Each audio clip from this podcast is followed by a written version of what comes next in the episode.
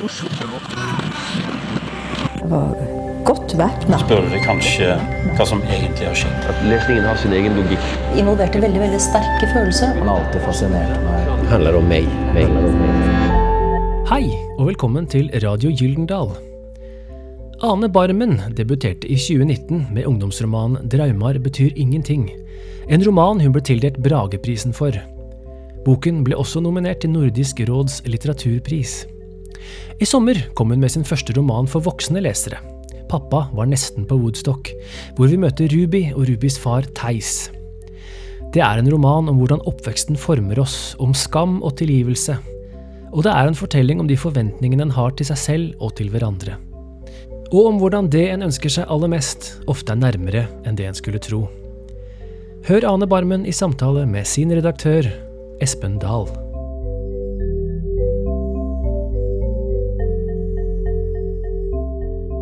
Hei, Anne.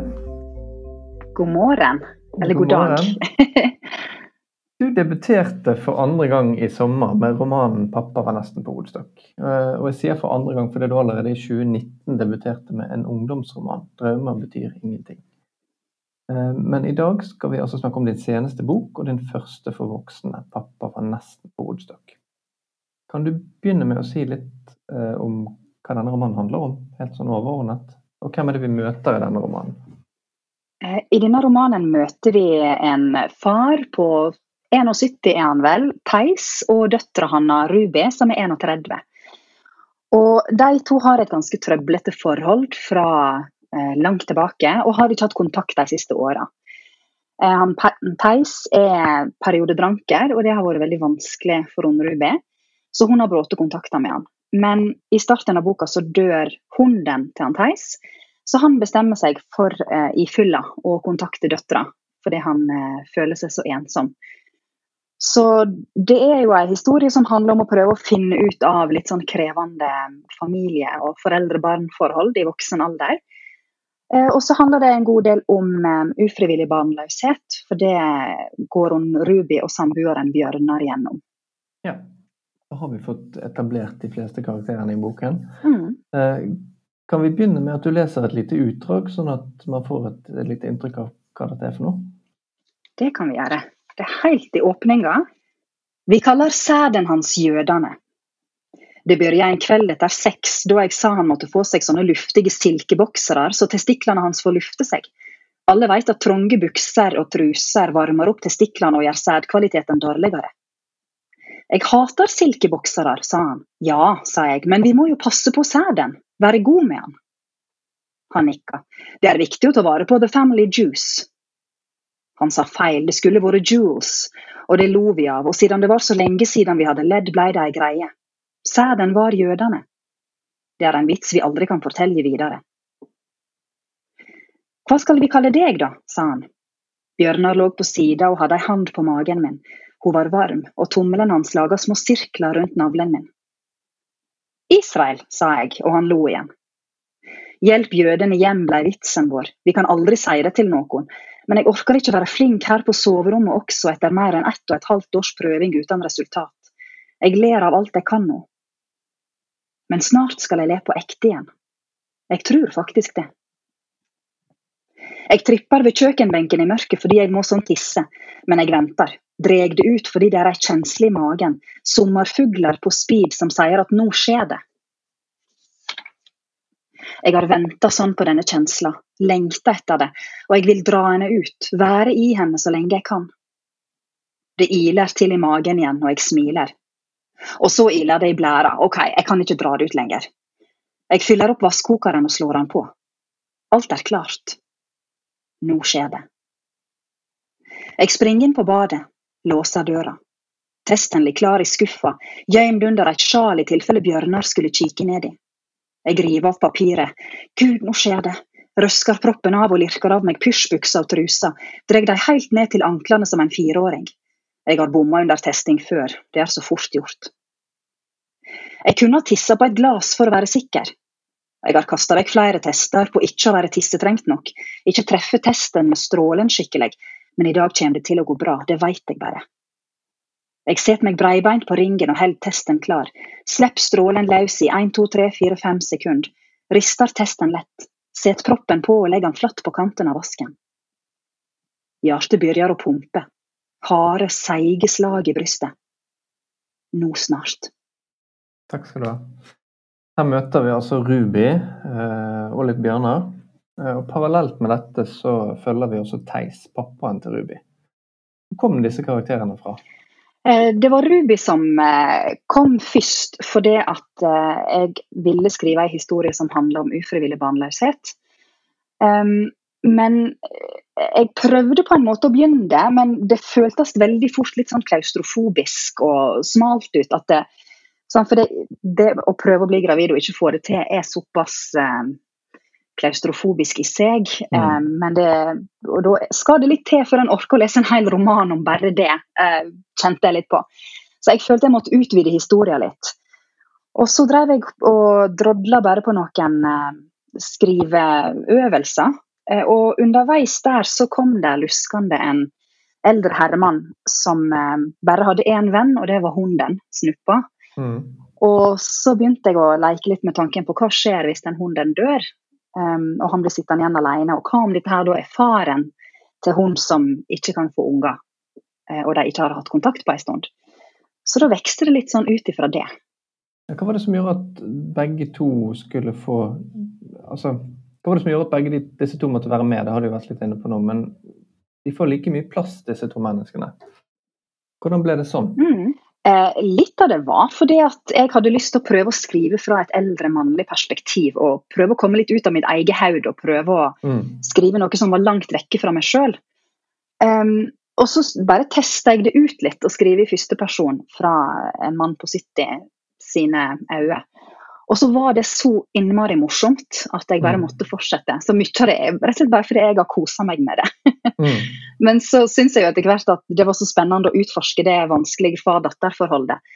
Eh, og da eh, var det veldig fint å la begge to komme til orde, sånn at du forstår mer av hvordan begge to tenker. Og du får mm. større forståing for begge to. Ja, dette er jo et vanskelig far-datter-forhold, som du sier. Og som leser så blir man jo fort veldig glad i Theis. Hva er det som gjør at han og Ruby ikke helt få det til? Det er nok ganske sammensatt. Eh, altså, Theis er jo ikke en kjip fyr i utgangspunktet, han vil jo så vel. Men han får det bare ikke helt til likevel. Og det handler jo veldig mye om at han drikker for mye, og han klarer ikke å mm. styre seg når han først begynner.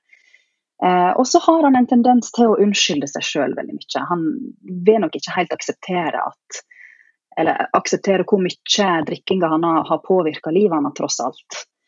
Så han går litt med skylapper, og hun er nok blitt kanskje litt bitter av oppveksten sin. At um, faren ikke har stilt opp og ikke vært der for henne sånn som hun syns han burde. Så det er jo derfor det har skåret seg mellom dem. Men um, jeg tenker at det at Håpet mitt var jo at folk skulle bli glad i begge to, selv om de har massevis av feil og mangler.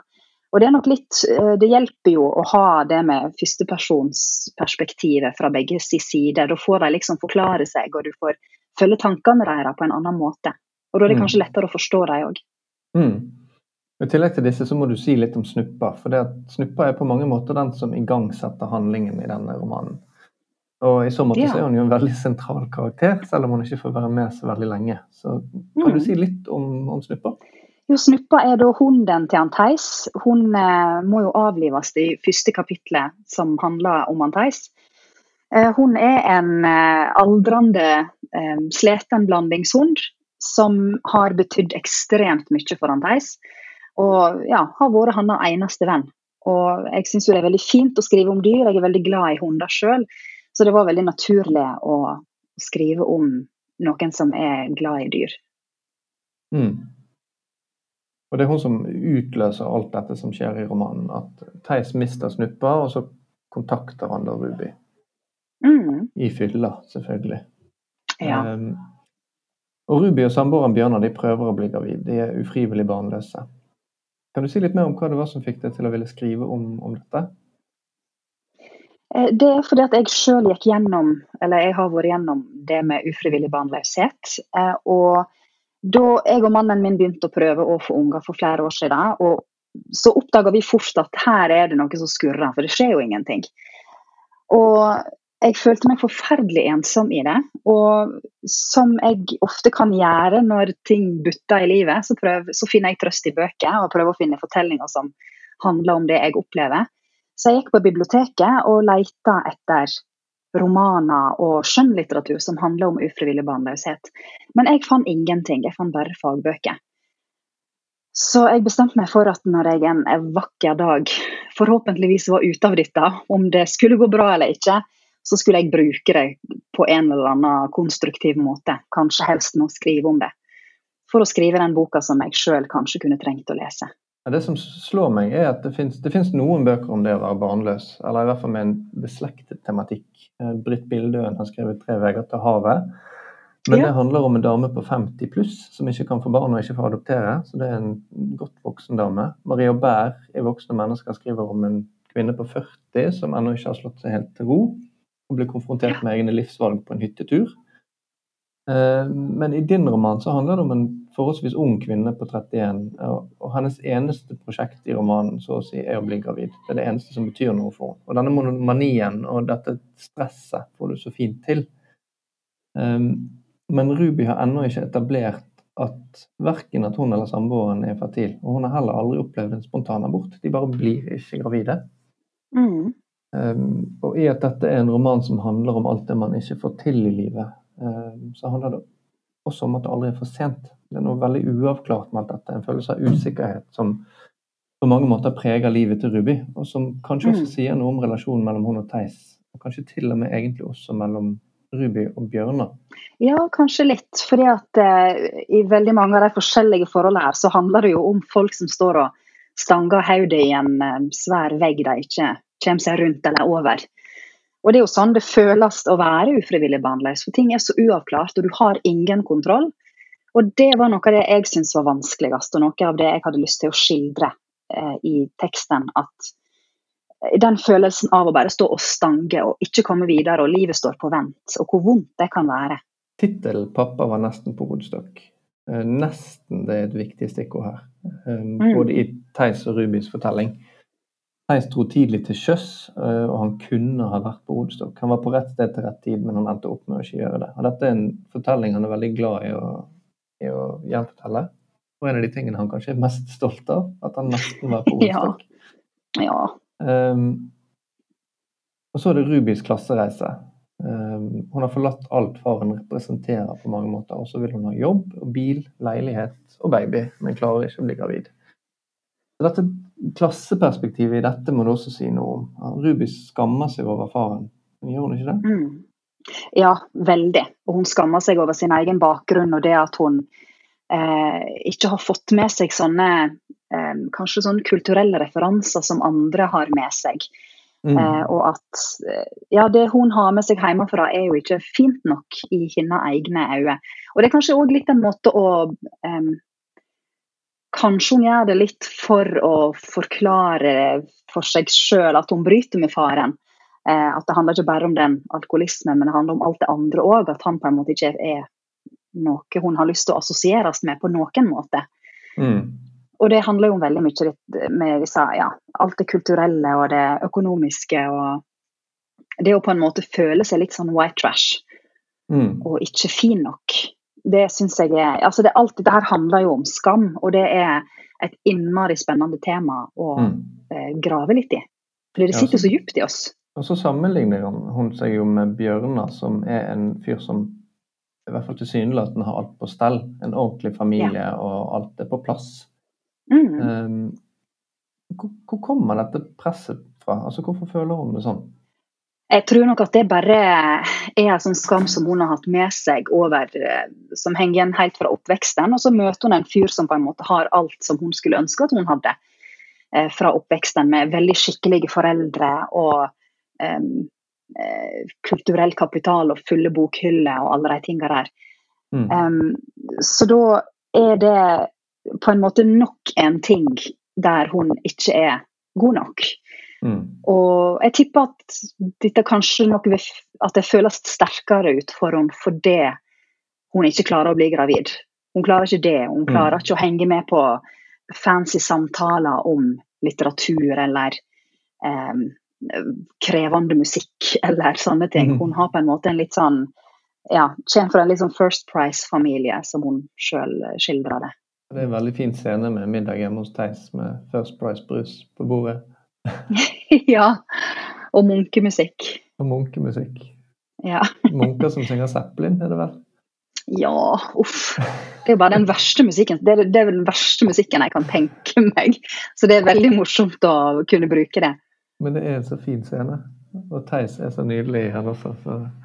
Men du, du debuterte, som vi var inne på i sted, eh, med en ungdomsroman. 'Drømmer betyr ingenting', heter den.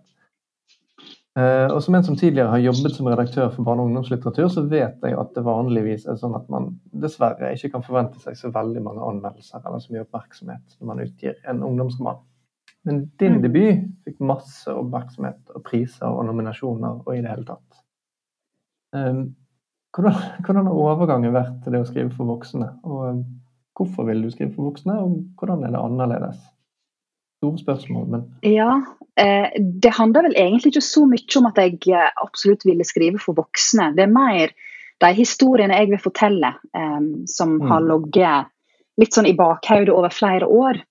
Og eh, jeg tenkte jo at 'Drømmer betyr ingenting' var en voksenroman i utgangspunktet. mm. Men eh, i samtaler med Gyldendal og med redaktører og sånn som jeg møtte, så ble jeg jo eh, varmt anbefalt å skrive det om til en ungdomsroman. Eh, fordi at historier kunne passe til det. Så det var egentlig litt derfor det ble en ungdomsroman. Um, Mm. Og ja, nei, det handler egentlig mest om, om fortellingene og hva, hva målgruppe de passer for. Men eh, Mm. det var veldig spennende å jobbe med å skrive for ungdom, og det er noe jeg absolutt har lyst til å gjøre mer av. Oppleves det som annerledes å lansere voksenroman enn ungdomsroman? Ja, det er det. Ja. Um, det er jo et betydelig større trykk når du kommer med bok for voksne. Det er mer Mm. interesse fra media i utgangspunktet. Uh, det var jo relativt stilt i starten da jeg um, fikk gi ut 'Draumar'. Mm. Men så kom den der Brage-nominasjonen, og, og etter hvert prisen. Og da kom det plutselig også veldig mye større interesse utenfra. Mm. Um, så jeg kan jo på en måte takke den prisen litt for at boka mi har blitt eh, sett. Mm. Så det er bare å vinne Brage. Det er bare å kjøre på og vinne en liten Bragepris, og så ordner det seg.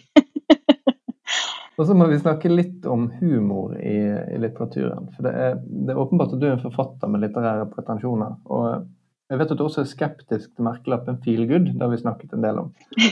ja. Men så er det unektelig sånn at du har skrevet en varm, sår, rørende fortelling med masse driv, eh, som ikke minst er veldig morsom. Og I en anmeldelse i VG så ble det sagt at du skriver det inn i det samtidssatiriske selskap, med representanter som f.eks. Marit Eikemo og Nina Lykke. Hva tenker Ja. du om det? Er det, er det treffende, syns du? Eh, ja, ak akkurat det er litt vanskelig å avgjøre sjøl, men Mm. det er jo selvfølgelig et kjempekompliment å bli sammenligna med sånne damer som det. Um, jeg har ikke tenkt så veldig at jeg er samfunnssatirisk eller noe som helst. Jeg skriver egentlig bare sånn jeg, ting jeg sjøl syns er morsomt. Og um, det er òg noe med den situasjonen med å være ufrivillig barnløs som tvinger fram humor, tror jeg. I alle fall Mm. har det gjort det i meg. Uh, og jeg har òg brukt mye humor i den første boka mi, 'Draumar'. Uh, fordi at når livet er på det mørkeste, så begynner nok jeg og ganske mange andre å tøyse mye med det. fordi at Eller så blir det så mørkt at du kveles nærmest. Så å ha litt galgenhumor er jo en overlevelsesteknikk. Mm. Og det har nok jobba seg automatisk inn i begge bøkene jeg har skrevet. For jeg har skrevet om litt sånn mørke ting, kanskje. Ja, og Humoren ligger på en måte både i, i det blikket som ligger i romanen, og, men også i relasjonen mellom Bjørnar og, og Ruby. Mm. Som en slags overlevelsesstrategi, kan man nesten si. Ja. ja. Mm. Det tror jeg nok. Og det eh, Ja. Det, det er så viktig, tror jeg, da, at i alle fall når du skriver om litt sånne tunge, mørke tema, at folk får lov til å senke skuldrene og fnise litt av og til. Mm. Eh, eller at en prøver Ja, det, det handler litt om å lette litt på trykket og rent skriveteknisk. At en mm. eh, Ja, folk må få lov til å slappe av litt innimellom. Det kan ikke bare være sånn knugende, eh, tunge, mørke ting du skriver om. Nei. Man kan gjøre det, ja. Du Men kan gjøre det, ikke. men det får ikke jeg til. Jeg må få lov å fjase litt. Nei. Helt til slutt, hva, hva skriver du på nå for tiden, om det er lov å spørre om det? Eh, foreløpig går jeg bare og verker etter å skrive. Jeg Mm. har ikke kommet i gang. Eh, men jeg har mange notat og mye tanker om ting jeg har lyst til å gjøre. Så eh, Mm. det blir, jeg kommer nok ganske snart til å starte på noe. Ja. Men jeg tør ikke å si hva det skal være, for det vet jeg ikke. Um, vi får nesten bare vente og se. Ting kan skje i skriveprosessen. Vi gleder oss, helt uavhengig av hva det blir. Så får vi knives internt på Gyldendal om det skal bli en ungdomsredaksjonsbok eller en voksenredaksjonsbok. ja, vi får se, da. Takk for praten, Anne. Sjøl takk.